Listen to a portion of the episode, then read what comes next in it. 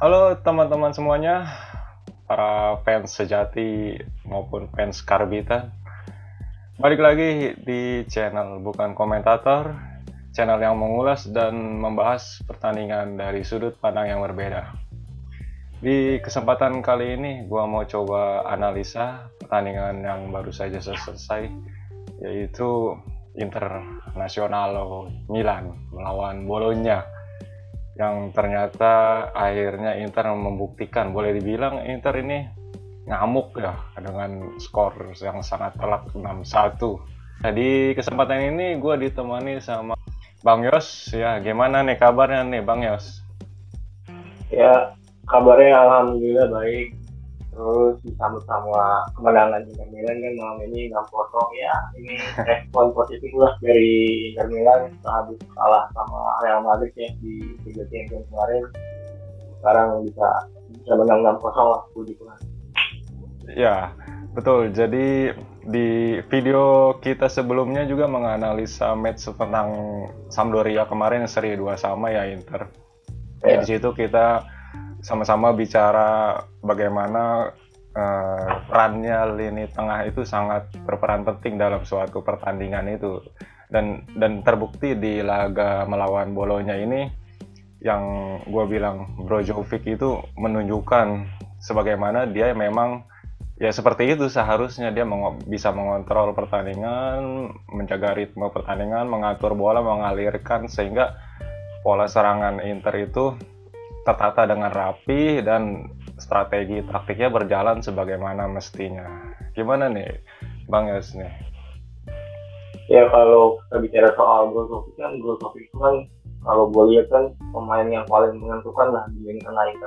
Hmm. Kalau dia mainnya jelek itu bisa membuat tim mainnya jelek, tapi kalau misalnya dia bermain bagus mungkin itu efeknya bisa membuat pemain yang lain juga bermain bagus. Kan dia itu kan sebagai deep flying playmaker ya kan? Iya. jadi yeah.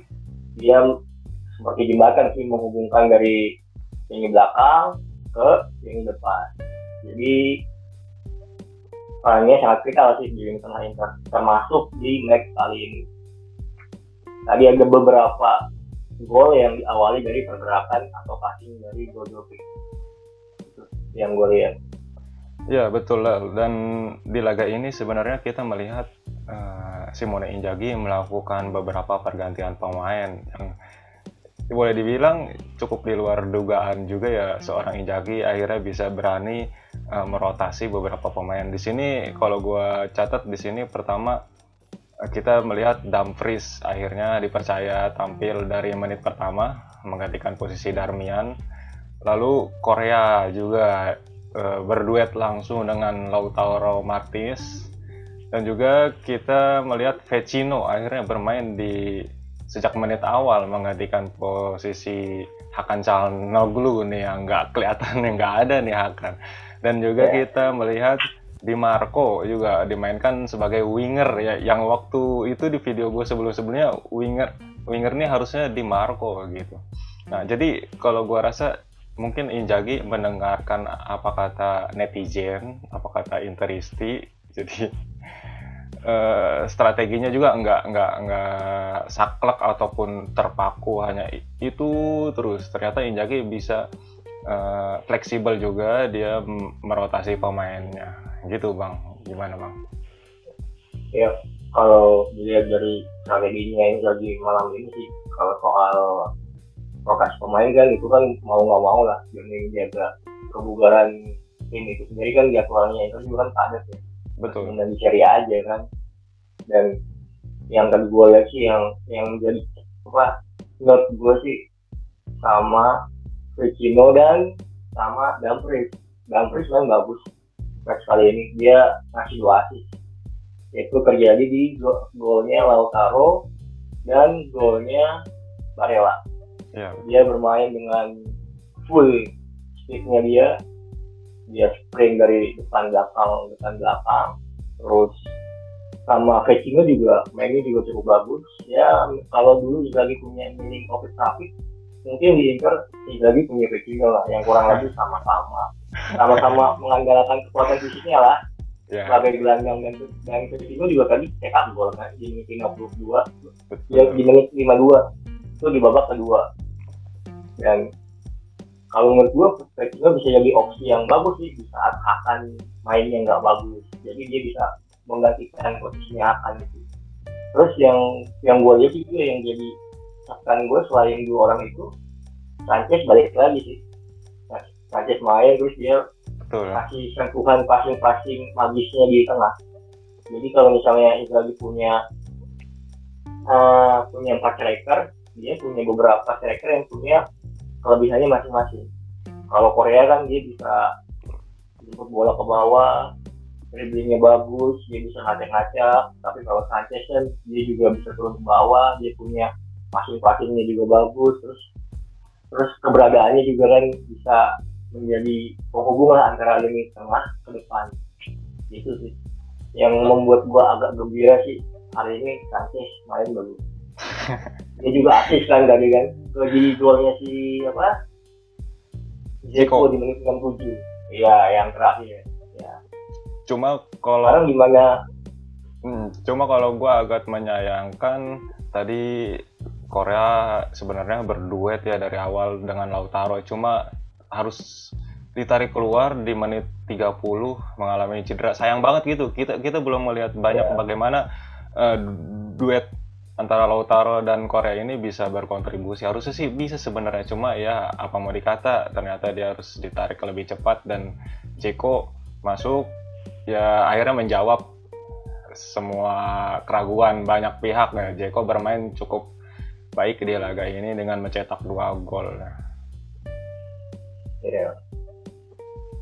Kalau kalau menurut gue sih kalau soal Korea kan dia kan ya belum cukup di match kali ini belum punya cukup waktu ya buat apa ngasih pembuktian kalau dia duet sama Korea itu duet yang menjanjikan buat kita tapi kan ya mau nggak mau kan karena waktu cedera juga ya. Iya. Cuma kalau gue yakin sih ke depan uh, Inzaghi punya empat karakter yang punya kelebihannya masing-masing ya dia tinggal bisa milih lah di match melawan siapa dia butuh siapa untuk bermain kalau di tengah kan mungkin kalau misalnya akan nggak on fire mungkin bisa di cover sama Vecino cuma yang memang sangat sangat penting sih keberadaannya Brozovic sama Barella ya dua orang itu sih itu yang sangat vital ya iya. itu tak tergantikan ya. itu yang tidak tergantikan sama back back dan kita juga melihat itu lah. Ya kita juga melihat bagaimana permainan dari kedua lini sayap Inter ya eh, di Marco dan Dumfries ini. Bagaimana penampilannya bang? Kalau di leg kali ini saya pribadi sih puas ya dengan penampilan dari apa Dumfries dan Di Marco. Ya di Marco tadi ngasih asis ya ke golnya Coutinho kan di, di 52 di 52 dan mainnya pun saya kira cukup rajin dia bisa sprint ke depan bantu serangan dia juga bisa sprint ke belakang dia juga bisa membantu uh, pertahanan dan dan emang gaya mainnya uh, Inzaghi kan seperti itu kan. Yeah. waktu uh, kita serangan balik itu selalu punya dua sayap yang apa bisa maju dan mundur secara cepat ya. Di kandang ada Dumfries di kiri ada di Marco. Jadi saya pikir kepergian apa hati ini bisa sedikit terobati lah dengan penampilannya Dumfries kali ini. Mungkin ke depan mungkin ya bisa ditingkatkan lagi lah. Soal apa kesenangannya dia dalam mengek, apa dalam mengeksekusi peluang di kotak penalti kan tadi ada beberapa peluang juga yang harusnya bisa dikonversi gol sama si Dumfries cuma kan nggak gol ya. Tapi ya itu nggak apa-apa lah. Mungkin ke depan masih bisa diperbaiki lagi. Ya memang penampilan di Marco dan Dumfries ini cukup baik ya. Dia sangat disiplin dan juga sering memberikan crossing-crossing apa pun umpan untuk membanjakan para striker di depan. Uh, jadi gua rasa Perisic juga harus hati-hati nih. Bisa kemungkinan terpinggirkan dan juga Darmian kemungkinan. Kalau melihat dari permainan kedua pemain tersebut ya. Terus kita juga yeah. tadi iya. melihat uh, akhirnya para Lord ya boleh dibilang main ya. Kolarov, yeah. Gagliardini itu di menit 73 dan akhirnya kejebolan nih Inter gara-gara Kolarov. Sebelah kiri loh itu. Iya, gimana yeah, penampilannya? Tadi itu kan kebobolan jadi kalau nggak salah 87 ya? Iya 87 iya di babak kedua. Mungkin faktor konsentrasinya aja sih itu yang jadi kekurangannya dari uh, backnya Inter kan. Harusnya waktu si Kolarov maju si Dampers itu agak isi posisinya aja apa isi posisinya si Kolarov. Cuma kan tadi kan mungkin agak agak miss gitu sih di situ.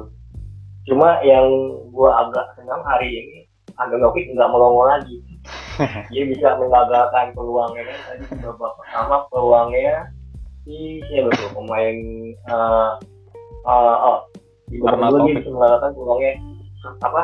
Soriano. Soriano. Soriano kan udah ya sudah apa one on one cuma Hangovic bisa ngetis dengan Soriano. Ya itu kabar baik lah buat kita supaya ke depan dia nggak bisa ya dia nggak melongo-melongo lagi kayak pakai-pakai sebelumnya. ya. Iya. Karena kan di di pekan kan lawan apa Fiorentina kan ini kan seru juga. Karena Fiorentina kan lagi dalam apa kondisi on fire juga ya. Dia menang kan uh, tadi satu dua lawan Genoa ya. Ya itu yeah. nanti tengah pekan. Sekarang ya kita lihat gimana uh, coach uh, Injagi dia punya strategi apa nih menghadapi Fiorentina kan yang bisa dibilang pemainnya nggak jelek-jelek amat sih itu pemain bagus semua kan semua ya. kumpul seru ya betul ya kalau ya. melihat laga tadi lawan Bolonya dengan pelatihnya Sini Hama Majlovic sebenarnya cukup baik mereka sering juga beberapa atau musim terakhir mungkin sempat merepotkan, merepotkan juga ya. yang Bolonya ya. ini tapi ya untungnya di laga ini mereka nggak bisa berbuat banyak karena uh, keberhasilan taktik dari Injagi tadi yang merotasi pemain sih. Gua rasa sih kuncinya di situ. Jadi keberanian dan Injagi gol di awal sih. Ya betul. Itu sangat uh, golnya di awal di sangat mem itu ya, yang betul. bisa buat gol. Itu membuat mental para pemain bolonya runtuh ya. Ya iya kalau lihat permainan Inter sangat nyaman dan sangat rapi boleh dibilang di laga ini. Kita juga melihat tadi kembalinya Sanchez kan bagaimana dia sepertinya sepertinya cocok nih Sanchez dengan Jeko ke depannya nih karena yang waktu itu kita pernah bilang juga Jeko itu tipikal finishing nomor 9. Seharusnya dia dia bukan menjemput bola, tapi dia tinggal menunggu di depan gawang, di depan kotak penalti. Nah, itulah tugas bagaimana uh, partner dia baik itu Lautaro ataupun Korea ataupun kita punya Alexis Sanchez yang harus melayani Zeko. Begitu bang ya? Iya. Kalau dari gue gue lebih senang Zeko berpartnernya sama Sanchez. Karena Sanchez bisa agak turun ke bawah dia bisa jemput bola pergerakannya juga apa efektif. Jadi dia bisa narik uh, back lawan terus si Jeko juga bisa cari space di kotak penalti dan itu bisa jadi pasangan yang sangat menjanjikan di partai-partai klasik juga seperti Liga Champion. Karena kan mereka berdua kan punya punya pengalaman juga ya. Yeah. yang cukup baik kan. Itu sih yang yang, yang diperlukan sama Inter. Ya cuma waktu uh, coach Stefan apa si tinggal dia mau pilih siapa? Empat striker itu. Ya. Itulah itulah uh, sebenarnya kualitas dari para pemain Inter itu banyak. Dan kedalaman skuadnya juga mumpuni. Jadi sebagai seorang pelatih bisa memilih siapa aja yang bermain. Bahkan striker di Inter ini boleh bilang banyak tersedia opsi terbiasa banyak ya. pilihan. Jadi nggak ya. kekurangan stok. Tinggal bagaimana pelatih meramu. Kita bahkan melihat tadi Satriano aja belum ya kan masih ada lagi yeah, terus juga kalau kita bicara di lini tengah masih ada Vidal ada Hakan tidak bermain ada Agueme juga yang bisa di jadikan alternatif lain gitu. Dan juga kita masih belum memastikan juga bagaimana kondisi Erikson juga kan.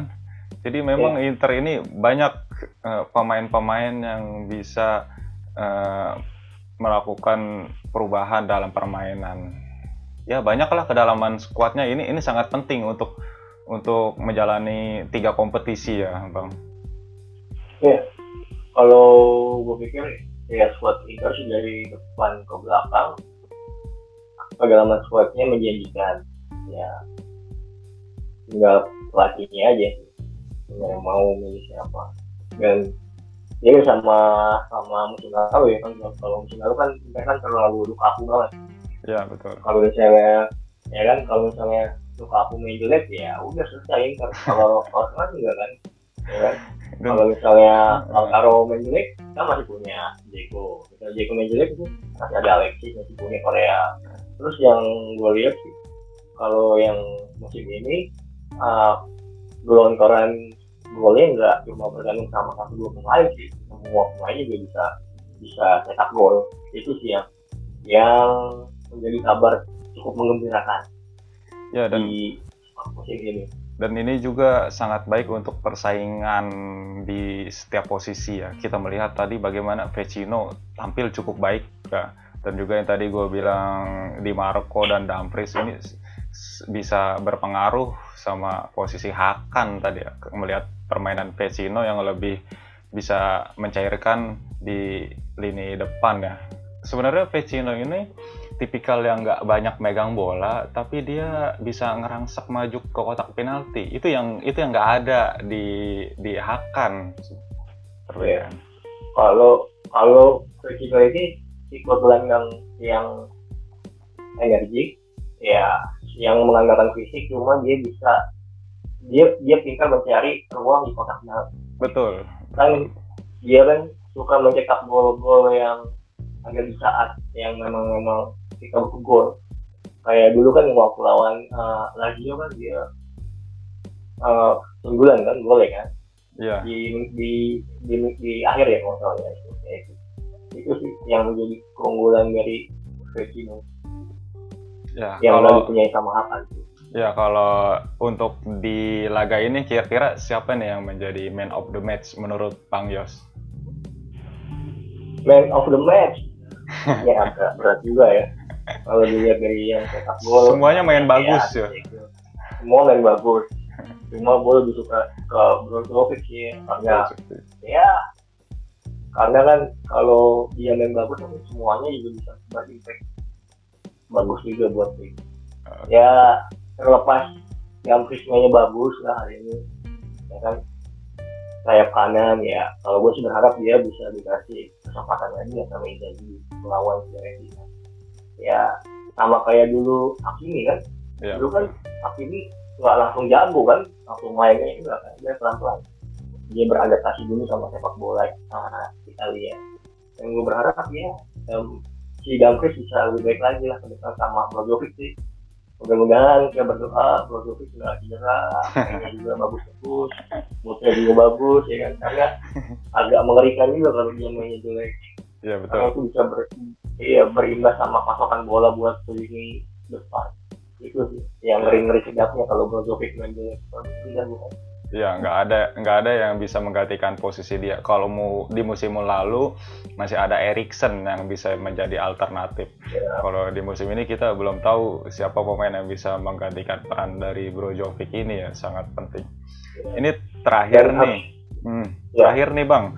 Uh, biasanya ya. Inter kalau abis ngebantai itu di pertandingan berikutnya suka. Iya, menjelek. ya selalu gimana apalagi nanti lawan Fiorentina. Fiorentina ya. Biasanya abis ngebantai malah jadi kayak ular kalau udah abis makan banyak kekenyangan. Lemes, iya lemes ya. Ya kalau kalau gue sih berharap mudah-mudahan lawan Fiorentina bisa tampil lebih bagus lagi lah daripada lawan Bolok ya. Ya jadi Boloknya ini bisa jadi salah satu acuan buat nanti main melawan Fiorentina lah. Biar biar jadi makin semangat kan. Dan gue percaya lah sama Inzaghi lah. Dia bisa merambut taktik lah. Untuk melawan Fiorentina ya walaupun taktiknya ngeri ngeri ngeri ngeri sedap juga ya kalau dia lagi main kan kalau backnya itu garis garis garis pertahanannya tinggi. Jadi tadi kita bisa lihat kan apa tahun ini bisa nyerang nyampe di tengah lawan. Sehingga juga sama semua pakai counter attack selesai itu ngeri hmm. itu sih yang jadi nggak gue nanti lawan Fiorentina jangan terlalu kebanyakan nyerang depan lah. Jaga wilayahnya aja. Kalau enggak lawannya kan dia kan ya. itu ada Nico Gonzalez ngeri-ngeri ya, sama yang, itu yang harus diantisipasi dan juga kecepatan ya. dari Vlahovic ya bagaimana Vlahovic, dia ya. dia menjelma menjadi striker muda terbaik Serie A ya. itu harus dijaga ya. ketat. Oke, gua rasa Cuma, eh, okay. ya ada lagi yang mau disampaikan? Ya kalau soal Vlahovic selama masih ada Skriniar, Dupri sama Bastoni, gua nggak worry-worry amat lah. yang penting ya yang bisa ngalahin Inter ya cuma dirinya sendiri aja. Kalau dia bisa menang pas hari ini mungkin mungkin bisa bisa menang lawan Fiorentina. Oke, jadi nggak takut ya dengan menang besar ini membuktikan jadi siapa pun lawannya itu bisa dihadapi sama Inter harusnya bisa ditaklukkan. Harusnya. Oke. Normalnya gitu. Ya, ya. oke, oke, gua rasa itu aja pembahasan kita kali ini. Nanti kita akan bahas pertandingan Inter berikutnya. Makasih Bang Yos atas waktunya. Sekali lagi gue ya, ucapin terima kasih, sehat selalu ya. ya. Oke, gitu aja. Ya. Bagi bagi teman-teman yang menonton video ini, jangan lupa untuk like dan subscribe channel ini agar terus berkembang untuk menyajikan dan mengulas pertandingan sepak bola lainnya. Gua Bang Bejo dan Bang Jos pamit undur diri. Salam sepak bola. Salam sepak bola.